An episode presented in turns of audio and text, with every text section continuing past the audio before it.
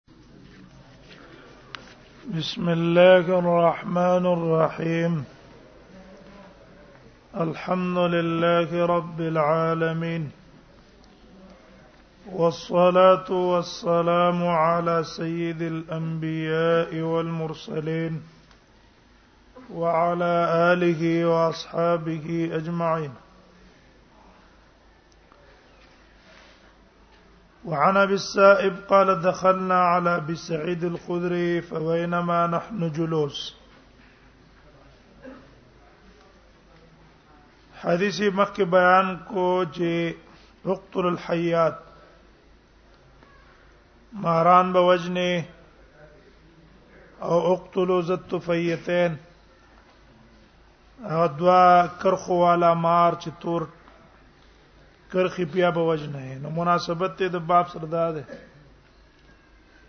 چې هر هغه حیوان چې شریعت امر کړی دا غي په قتل دا غي خړل مونږ تاسو له جایز نه دی ثبت باندې ورسېدای هر حیوان چې شریعت کړی امر کړی دا غي په قتل نو دا غي خړل جایز نه دی نمدارنګ ارغه حیوان چې رسول الله صلی الله علیه وسلم منع کړی دا غي د وجرنا دا غي خړلم جایز نه دی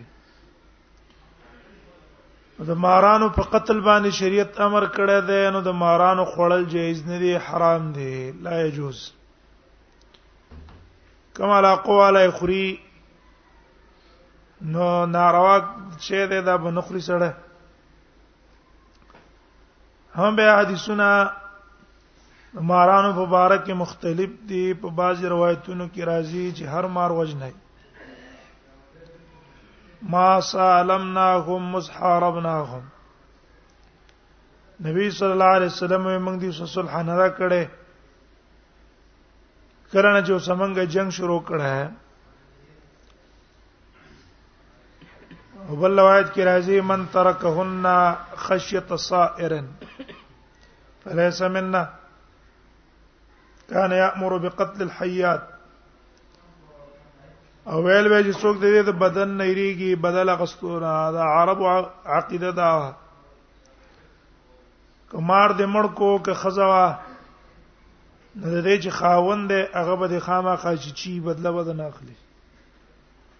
او کنرو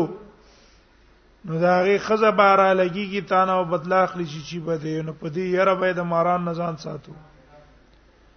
نبی صلی الله علیه وسلم ویل ک څوک د دې بدله غستونه ریدو د ازمنګ نه نه ده وجنه بس او باز روایتونو کې دي چې نبی صلی الله علیه وسلم منع کړی دا چې نه به وجنه ترڅو پورې چې اغم تنکړې نه وي دغه رست روایت ته اذا ظهرت الحيه في المسكن فقول لها وتويبا هغه لوس چې سليمان عليه السلام او نوح عليه السلام تاسو نه غستلو هغه لوس په وجه باندې تاسو د دې نه لاړ شئ ګلال ټیک تا کلال نه پس داغه نه وجنه روایتونه متضاد دي دیو جن تقریبا به علما په کې پنځه قول کړي راجه قول په دې قولونو کې هغه دا ده چې یو مکه او مدینه ده مکه او مدینه حکم دا ده چې سواکن البیوت بنوجنه ستا په کور کې چې کمار راخکار شو ابو وجننا تر څو پورې چې هغه ته دا لوز وړاندې کړی نه چې کوم لوز د نوح عليه السلام او سليمان عليه السلام اغستلې ده دا غي لوز مطابق په توزه بهم نو ته پس دا غینه به وجل شي او د دینه په غیر په نور علاقو کې مار چې د اولی د لوجل شي او دا د مکه او مدینه خصوصیت زکه ده چې اکثر پیران عمل تزيد پار د حفاظت دلته چې کم پیران په اسلام کې داخل شي او پیران نه تنګي تنګي دا پیرانم بی دین دي چې څوک په اسلام کې پکې داخل شي نو هغه پری دینه تکلیف ته ورسای وجنی هغه د حفاظت د پاره چې دا غوینه بچي مکه او مدینه ته ځي هلته به د کافرو تسلط نه یا مثلا یو ساحری هغه یو پیره تابع کړه ده او دا پیره په څه طریقه باندې دا غسړی نه اوزی نو دا ساحر به دا تنګي په نورو پیرانو چې تا ولې دا سړی پرې خوستو نو دا پیرې را لګیږي د حفاظت لپاره مکه او مدینه ته ځي چې ما ته څوک ضرر راو نه رسي دا به ال توسیږي په دې کورونه کې او دیو جنا وجنه به نه تر څو پورې چې دا لوز دی ته وړاندې کړه راځي او نور دی علاقو کې دا حکم نه ده د ابي الصائب نه روایت ده قال لو دخلنا على ابي سعيد الخدري ومن ابو سعيد الخدري رضي الله عنه ورلو فبينما نحن جلوس په ما بین د دې کې مونږ ناشتو استمعنا ناڅه په مونږ واورې ده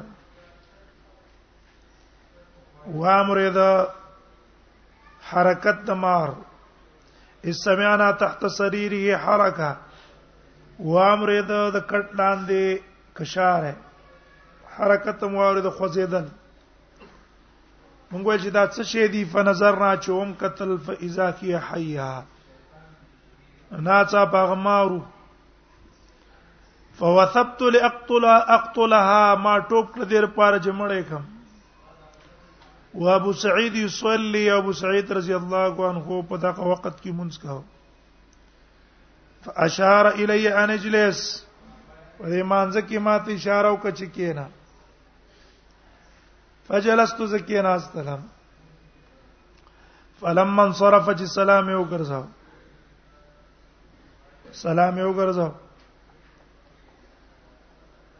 نو فقال نو ماته وی اشار اشاره وکړه الی بیت یو کور ته فدار چې په محل کې وو دې مالک یو کورو هغه ته اشاره وکړه فقال ولا ترى هذا البيت دا کوری نه ما هو ته لاو فقال وی فرمایل کان فی فتم منا او په دې کې یو ځوان زمنګ نه حدیث عادم بعرسن تازه زمانہ وته د واده سره از تازه واده کړو قال فخرجنا مع رسول الله صلى الله عليه وسلم ومن قوتلو نبی صلی الله علیه وسلم سیر الخندق خندق تام خندق کم کنلو غر چاپیر د مدینه نه فیرجو الی اهله فکان ذالک الفتى استاذن رسول الله صلی الله علیه وسلم نو دا ځوان اجازه به د نبی صلی الله علیه وسلم غوښتله به انصاف النار په نیم د ورځه کې کرما بچشوا نبی سم ته ویچې د الله نبی ما ته اجازه کو کور ته لاړ شو فیرجو الی علی نور ابغ خپل اهل ته نفستازنه اجازه وغوښتله د نبی صلی الله علیه وسلم یومن یو ورځه نبی صلی الله علیه وسلم ته الخذ علیک صلاحک ځان څه دی وسله والا فإني أخشى عليك قريزه زیریګم په تا باندې قریزه ونه چې قریزه دي چرته مونږ نه کی رسول الله په غیب خو نه پیدو کنه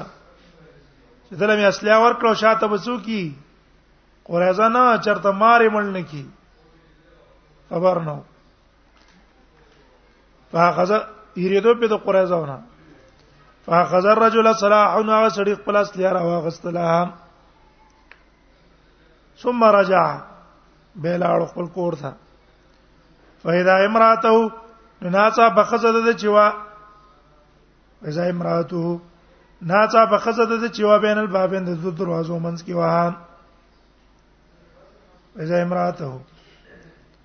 قائمه ولاړه دروازو په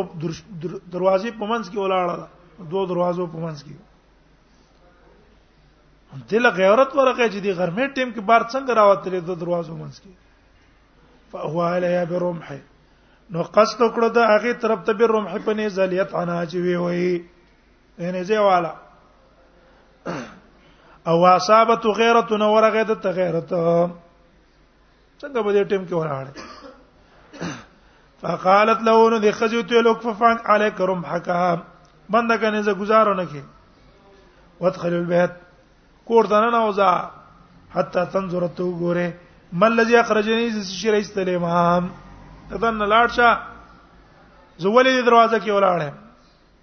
ته ته پته ولګي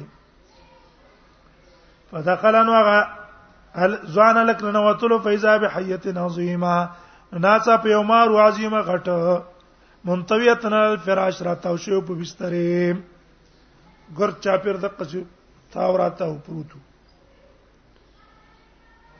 فاهوا الیها بالرمح بس د سوچ صبر نه کو نو قصد یو کوی له هغه ته به رمح په نهزه فانتظمها نن استلا د مال ربي په دې نه ځکه اے په دا اوم اعتبار وسته سنه به کې بوتلا ثم خرج بیا بار تر وروته د مار سره سره پورته کو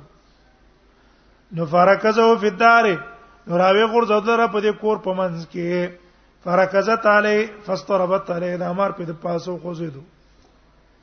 راو پریوتو امر په پاس را پریوتو په پاس په حرکت وکړو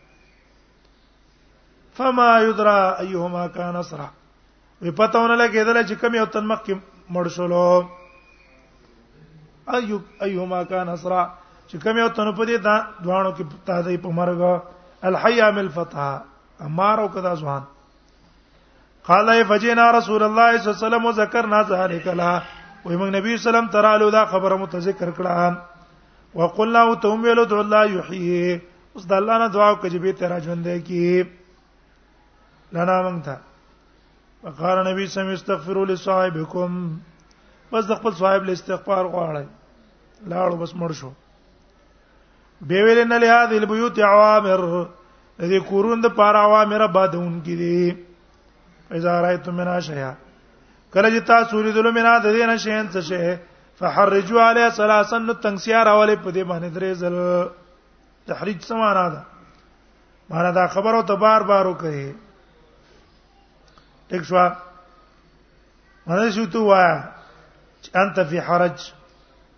ان عدت الینا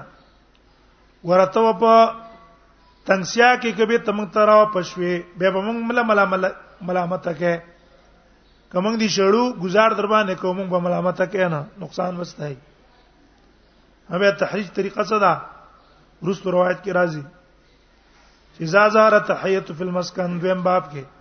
فقول لا ان نسلک بیاد نوح و بیاد سليمان ابن داود لا توزینا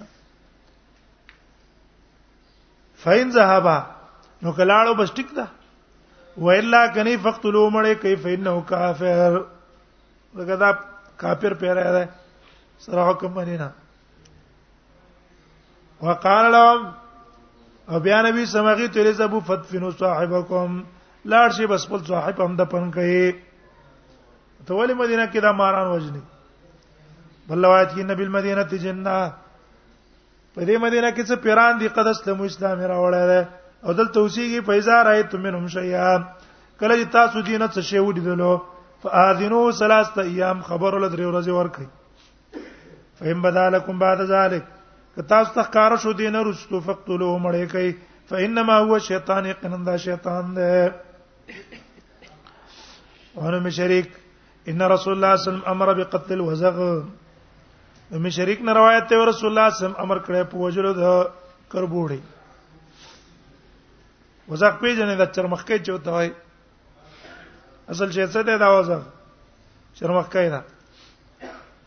ولې سونه صفات چې د علماء ذکر کړی دي هم دا شی ده نو یو دا دا وې دې د د زار چې د پټول زار زار کډیر خبيز زار دی دا زهريله چرمخ کوي دا بلدارې چې ومړې کې کنا کوم ټوټه چې تی پرې کړې شي هغه حرکت کوي هم حرکت کوي چې مخکنه لکی وو کنه سونه ټوپونه وای بل دار عاشق د په مال کډه را سخته مال کې جړې را مینا ده او پاسې دې اغیل را دا کار کوي پلوي دا د چټو په لکه د زمری غوندې کې کلم کتلی وای کنه شي ته ځان غلې کی چې ترانځي شي په ورټو په کېشته ونی شي دا چل کوي قتل الوزن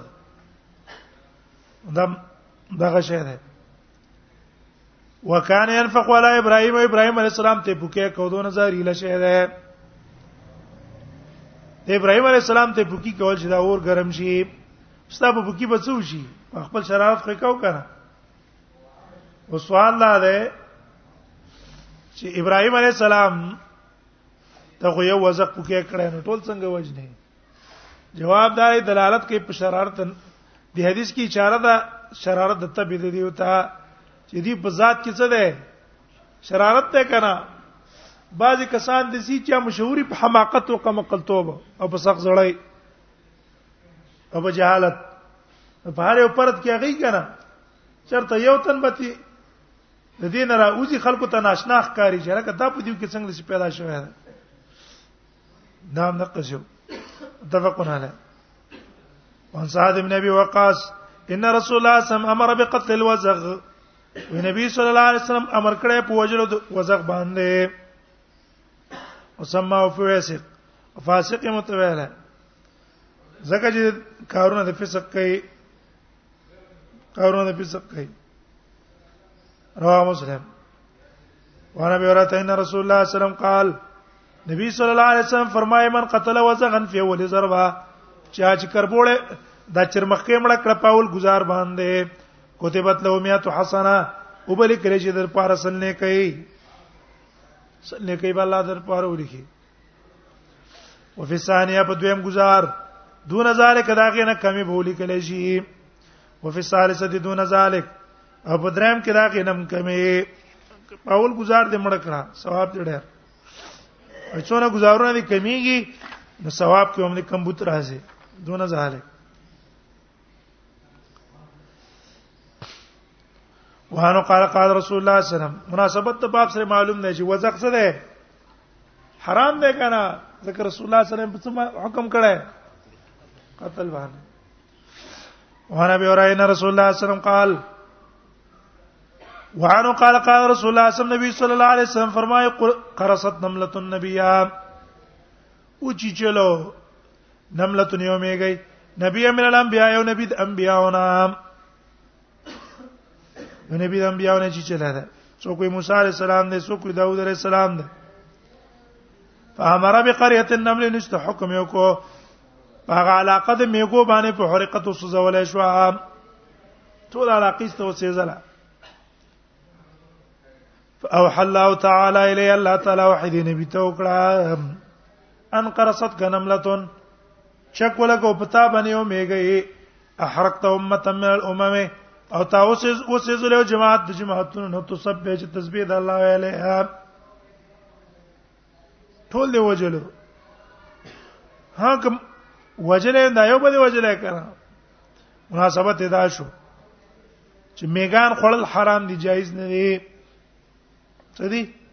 ناروا دي نه به خوره دا رنګه د میګانو سیزل ناروا دي مچې په ور باندې سیزل ناروا دي ذکر لا يعذب بالنار لا رب النار الفصل الثاني عن ابي هريره قال قال رسول الله صلى الله عليه وسلم اذا وقعت الفاره في السمن نبی ورځان روایت ته چې رسول الله صم فرمایي اذا وقعت الفاره في السمن کله چې پریوزي مګه په سمن په غړو کې پهن کان جامدان کې چرته غوړي وچو ټینګو ټینګ وچ نو فالقوها وما حولها غرزوي دا مګه د دې نګر چا پیر باقی خورای وهم کان ما يع او کچرته وبو وړه مثلا غړي الی دی الی فلا تقربون از دکې کې بہت نام فلا تقربو تفصیل به پرون مو بیان کو کا چې د مایا او د جامد منځ کې فرق شته او کنه شته بلدار چې څوک قائل د فرق دی د دې غړونه انتفاق استره چې په بیع او یا په دیوه کې بلولو یا په یو شی په غړولو او کنه رواه احمد وابو داود والدارمي عن ابن عباس وعن سفينة قال قال اكلت مع رسول الله صلى الله عليه وسلم لحم حباره سفينة نه روایت ته د نبی صلی الله غلام و ما د نبی صلی الله علیه وسلم څخه وړل د لحم حباره وخت ځانې حباره ځانې ته وای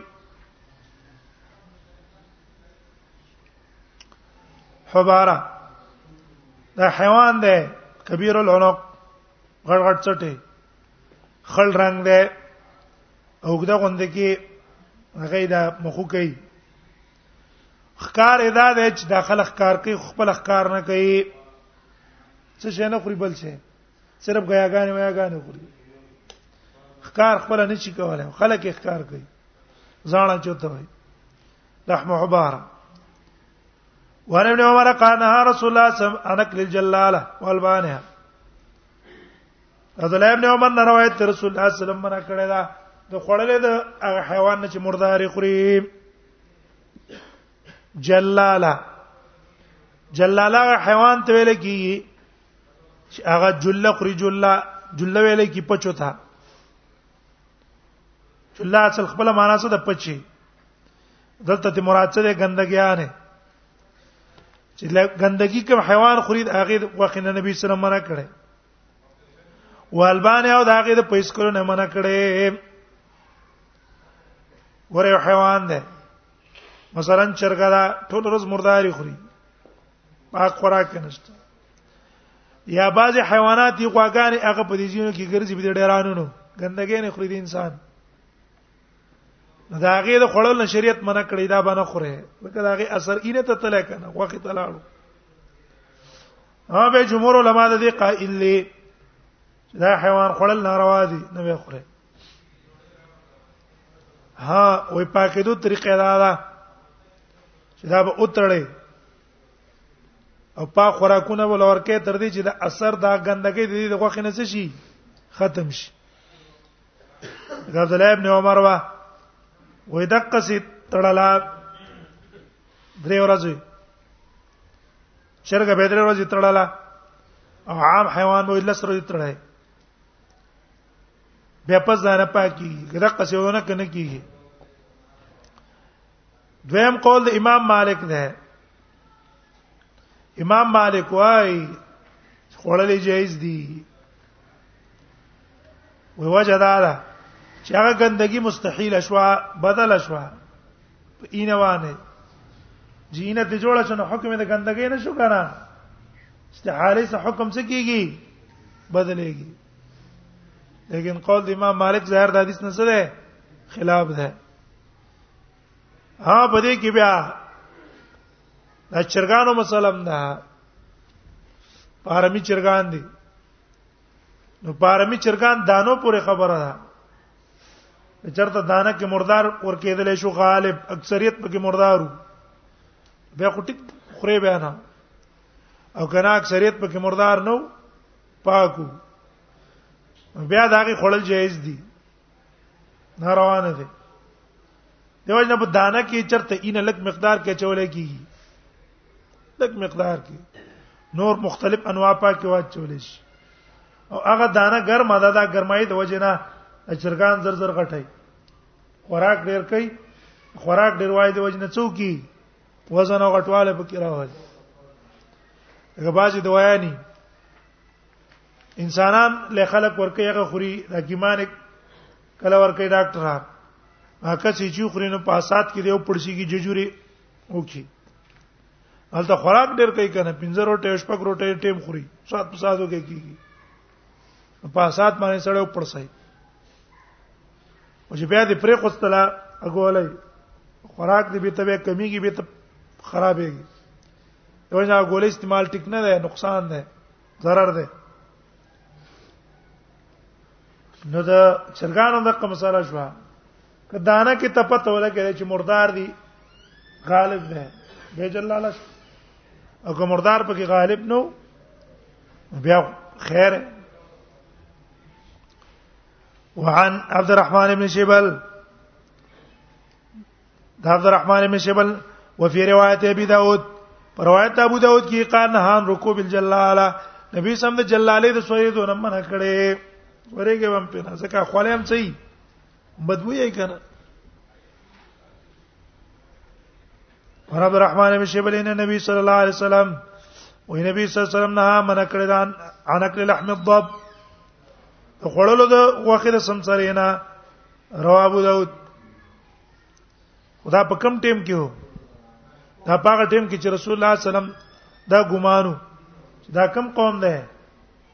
دا قوم ممسوخه ده دیو جن منع کړي وا چې رسو ته پته ولګي چې قوم ممسوخه نه الله نه پری دي بیا څوکړه اجازه ورکړه چې نو ته آرام یما او خبره نه خورم وان جابر نبی صلی الله علیه وسلم نه نکل الحرام نبی صلی الله علیه وسلم کړه خړل پښونه او اکل ثمن او د خړل پیسو دا غینا پښو خړل ناروا او پښو خرڅول او دا غي پیسې خړل ناروا ها به ایمار با هغه فتوا د جواز ورکړی د چې ګینه خرڅولې جایز دي لیکن دې حدیث د مذهب خلاف ده دیو جن شوکانی صاحب ابن قیم او د علماو ترجیح چاله ور کړي هم دې خبره لور کړي ده چې پیشوګان خرڅول او داغه پیسې اغستل حرام دي نه به کې وکړه تمانه راو داود ترمذی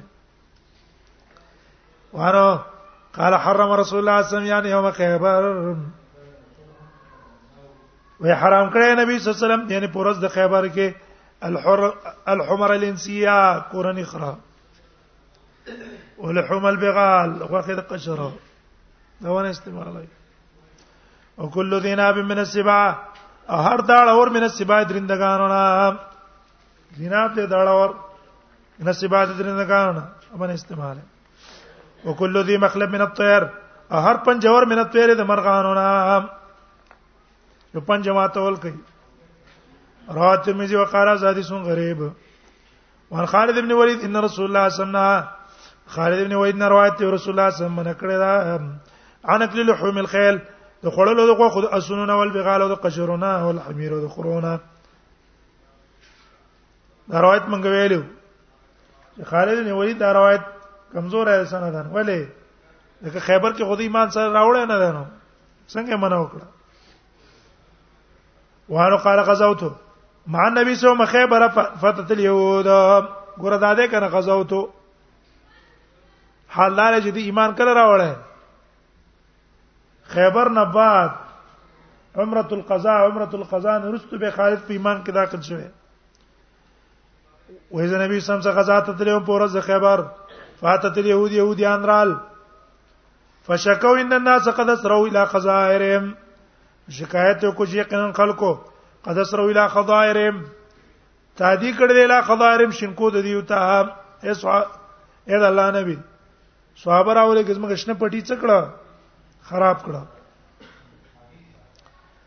قال نبی سلام نبی سلام فرمایل الا لا يحل ما اموال المعاهدين خبردار حلال نه دی مال د معاهد الا بحقها مگر په حق داغه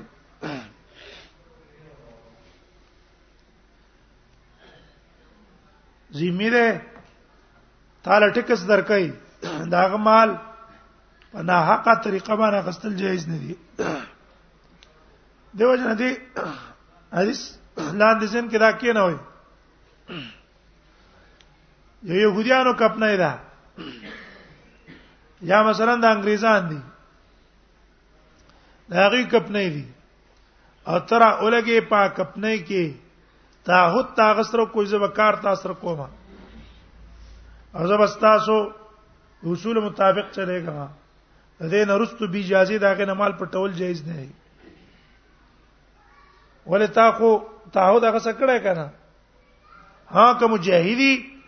jihad په ذریعہ ته غستې شي او دا بنوي چې زه په یو امریکا کې کار کوم یا بل ځای کې کار کوم او دا غي دکانونو د کپلو نه څکه شی پټه نه الا بحقها تا خو تعهد غي سو کو چې زما تاسو د مال حفاظت وکوما او شرطونه یې سولې کړه دا غنه به ته مخالفت کې دا خو نقصان کې لا بحقها رواه ابو داود وان ابن عمر قال قال رسول الله صلی الله علیه وسلم دا مثلا ډېر ټینکر والای هغه امریکایانو سره تیل وړي راوړي د پیسو د پاره پلار کې تیل پټای څه ته کوي تیل ته پټای ابه وای مړه سم امریکا نه کافر دی مال ته و نه تاسو تعهد کو څه دې څوک تعهد دی څوک څنګه اوس دا کار کوي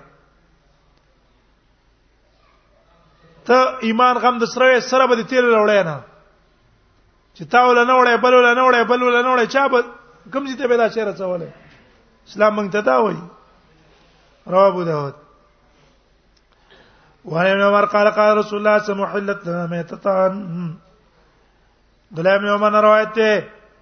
وی رسول الله سم فرمای حلال کړی شو زمند پاره دو دو مرداره و دمانه دو اینه مهتتان چې په خپل مرګ باندې مړی شي حلالول ته ضرورت نه او دمان او دو اینه دی منجمه ده اصل کې اینه ده او جمع شوی ده الحوت والجراد او پای کې حوت ته مخکې مونږ ویل چې حوت ځان له مې ته نه وایي حوت ویل کی کل ما یعيشو فی الماء هر هغه شی چې په اوبو کې ژوند تیرای دا الحوت ده والجراد همدارنګه جراد ملخ دا موږ له حلال ده الحوت والجراد ملخ هم حلال او الدمان دو اینه چې کې مې دی یو د الکبد او الطحال یو د توره جګر د الطحال بل د توره دا ځوان اصل کې اینه دی منجمد شوه رواه احمد بن ماجه او دار قطنی وعن ابي زبير عن جابر قال قال رسول الله صلى الله عليه وسلم فرمای مال قاو البحر وجزر عنه الماء هغه شی چې دریا به راو غرزي وجزر عنه الماء او به تکم شي فکلوا هغه خوري سمانا هر هغه مې هغه په سبب د اسباب باندې مرشي غلې په وشواش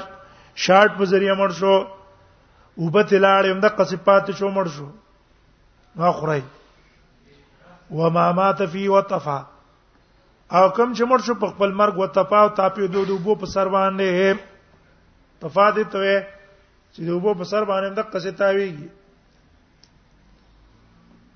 خپل مرګ مړ ده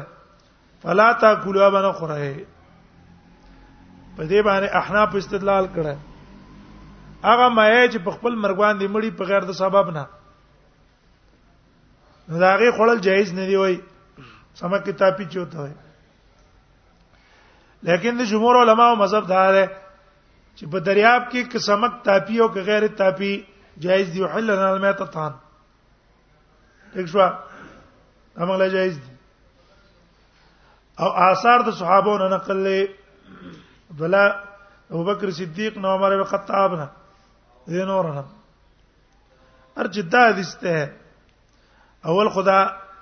ابي الزبير ارانه کړی دی جابر نو مدرس مدلس ته مدلس ته مشهور ارانه د مدلس مقبول نه ده دویم کبل پر ثابت هم شي نو قال محسن علک سرور علی انه موقوف علی جابر اکثر قولدار چې دا قول دی جابر جابر را ادا دا او حال دا چې رسول الله صلی الله علیه وسلم فتور کړی دا الحل میتته الحل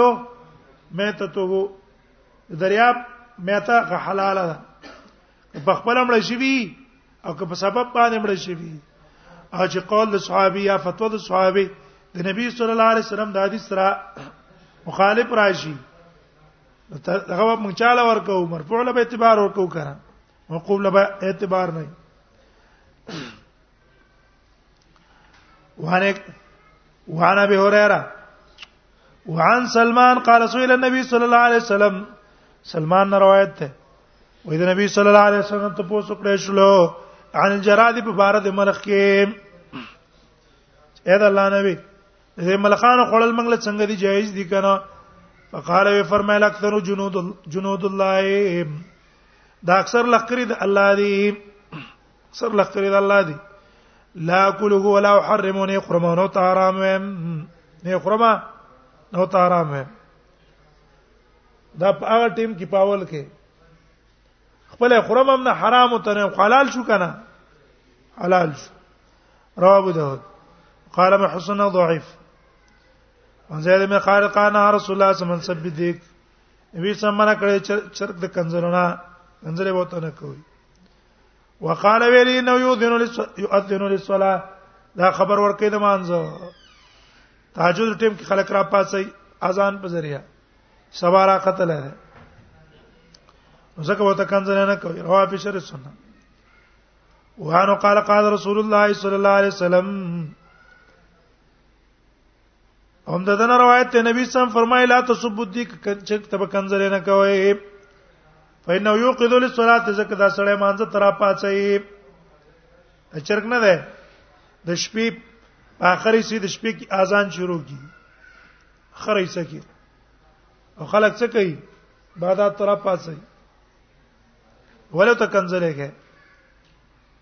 وانو وعن عبد الرحمن بن ابي ليلى قال قال ابو ليلى قال رسول الله صلى الله عليه وسلم عبد الرحمن ابن ابي لالان روایت ته ابو ليلا وايي چې رسول الله صلی الله علیه وسلم فرمایلی روایت مرسل ده ځکه ابو ليلا خو صحابي نه ده کنه اذا زارت الحيه في المسكن کله چې ښکارا شي مار په مسکن په کور کې کور کې مار ښکارا کې شو فقول لها تاسو د توای دې مارته ان نسالک بعهد نوح موږ سوال کوستانه په وعده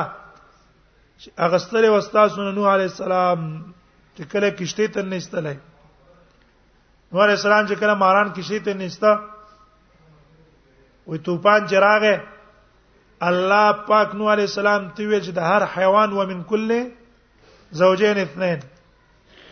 هر حیوان یو یو جوړین نباسه یو نر یو قزا نو د مارې مې جوړې نه استلا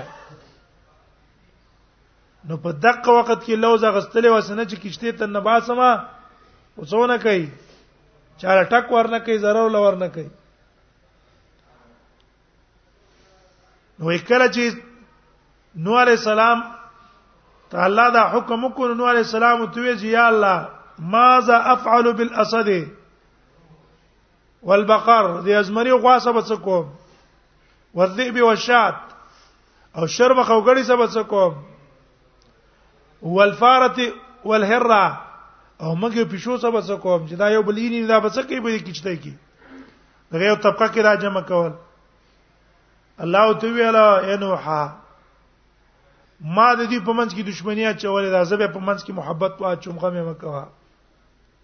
ما دښمنی ولا چورې زه محبت ته مواچوم وی په هغه لوز و بیا د سليمان او په واده د سليمان ابن داود سليمان ابن داود هم د دین لوز غستلو چې تاسو به zarar نه ور کوي الله تو زینا چې موږ ته بسنه را کوي zarar بنه را کوي فین عادت کدی نه رستو بیا هم کار کېدا فقتلوها بیا مړ کوي ځکه معلومی کې چې دا پیرې نه ده او بلدار لوز پروانه ساتي وان اکرمان ابن عباس قال علمه اکرمان روایت ده ابن عباس روایت کوي قال لا علمه وای ما ته پته نشته الا رفع الحديث مگر د حدیث نبی سم ته مرفوع کړی دی انه کان یامر بقتل الحیات چې نبی صلی الله علیه وسلم به امر کو په وجلو د مارانو امر به کو مارانو په وجل وقال فرمایل به من ترکون خشیت صائر چا چې پرې خوستلو دا خشیت صائر د یری د بدل نه منګه مخکې وې چې د مشرکانو عقیده دا مار دې مړ کو کنرو دا غي خزه بدنه بد اخلي کې خزه و خاون به بدلا اخلي وای که چا دا پرې خصوص دی یاري نه چیرې مانو بدله واخلي او به می چی چی فلیس مننا لاس موږ نه نه ده وانا به اورایتا قال قال رسول الله صلی الله علیه وسلم د به ورځه روایت رسول الله صلی الله علیه وسلم فرمای ما سالمنا غو مسحاربنا موږ صلح د مارانو سره د کړي کلم چې جنگو څه شروع کړه کما کوم جنگ شروع کړه کنه هغه نه دی خو څه موږ صلح نه دا کړي ومن ترک شی منهم چا چې پرې غوستو یو شی د دیو نه خیفتن د یری د وجنا فلیس من ناراض موږ نه نه ده رواه ابو داود ورنه مسعود قال قال رسول الله صلی الله علیه وسلم فرمای اقتل حیات کلین ټول قسم ماران وجنه فمن خاف سار او نسو چې ویریدو داغه د بدلنا فلیس من ناراض موږ نه نه ده ورنه عباس قال یا رسول الله صلی الله علیه وسلم نريد عباس روایت دی ویل د الله پیغمبر زمونږ اراده ده انو کې زمزم دا زمزم راو کنو وان فی منازل جنان په دې کې دا واړه واړه ماران دي یعنی الحیات الحیات الصغار واړه واړه ماران وجل شو کنه فهم رسول الله صم بقتل النبي صم وی وجنه ولن مسعود ان رسول الله صم قال اقتل الحیات كلها تطبیق مکه منګو کړه کنه وی وجه ټول قسمه ماران الا الجان الابيض مگر اغه نری مار ال بیز تک سپین ده الذي كان قذيب في الزاهم ویا کدا چوکا د سپینو زورو تک سپین مار هغه ته د مګو مار وای ابو کورونه کې اکثری چې چل هغه نه کې ټک نه ور کوي صرف مګي خوري ودا موجنه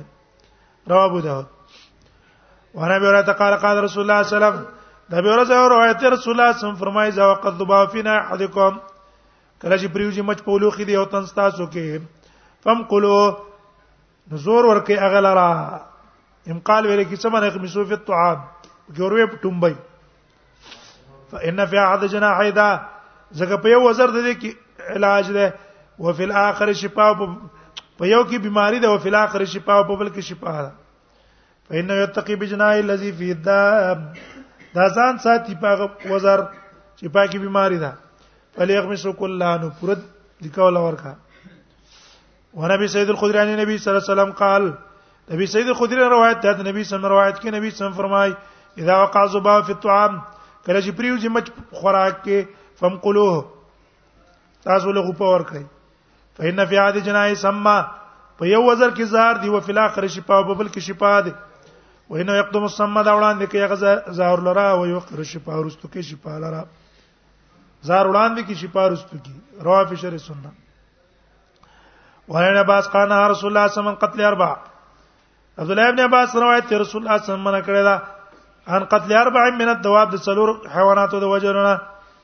انم لا یوم غیب نه وجنه خاص کر دا سور میږي نه هغټ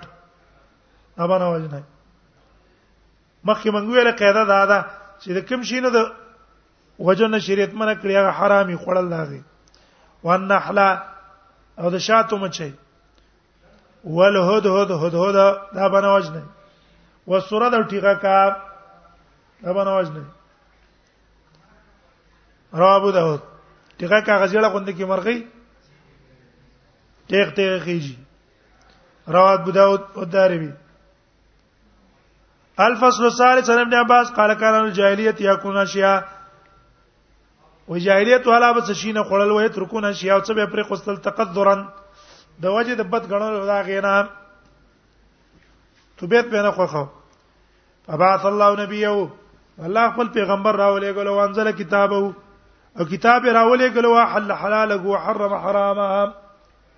او حلال کړ خپل حلال لره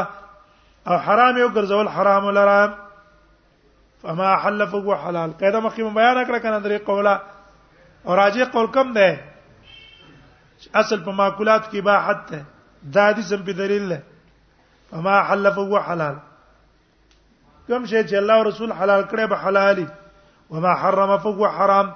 او کوم شی چې الله او رسول شي ته حرام وي به حرامي وما سكت عنه فهو عفو او چې کوم نه کوم چپ پاتې شي به سوي ابا عفو وي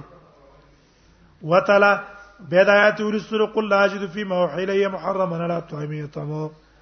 وته زنه من د کوم پاسه کې چې ما ته وحي شوی دا محرم حرام کړی شوی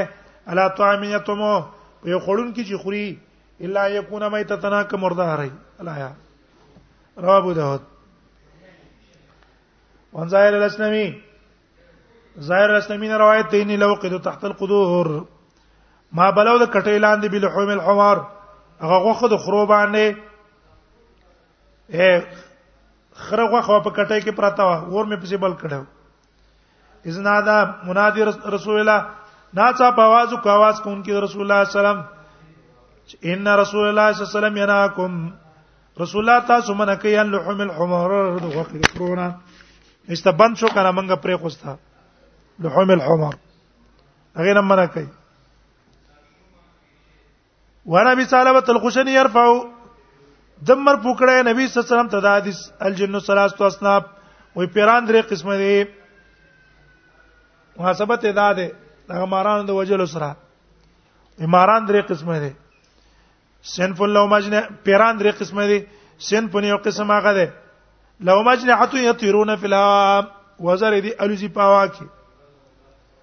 وسنف الحیات او بل قسم ماران لړمانان دي ځان کار کوي په شکل د چا ماران لړمانانو دیو جن چې تاسو په کورونه کې کار شو وجه نه بیان وسنف او بل قسم هغه دي حلون او یزعون چې هغه کوچان دي نن دلته دي سبا رواني بل ځای ته حلون نازلېږي په یو ځای کې به دا غځې نه زی رواه فی شرح سنن مناسبت دې ته دا شو چې مارانو کې یو نوع ده چې په شکل د مارانو لړمانانو د پیران کې یو نوع ده ځان په شکل د پیرانو لړمانانو ښکار کوي دیو جن احتیاط به کې چرته مړ نه کې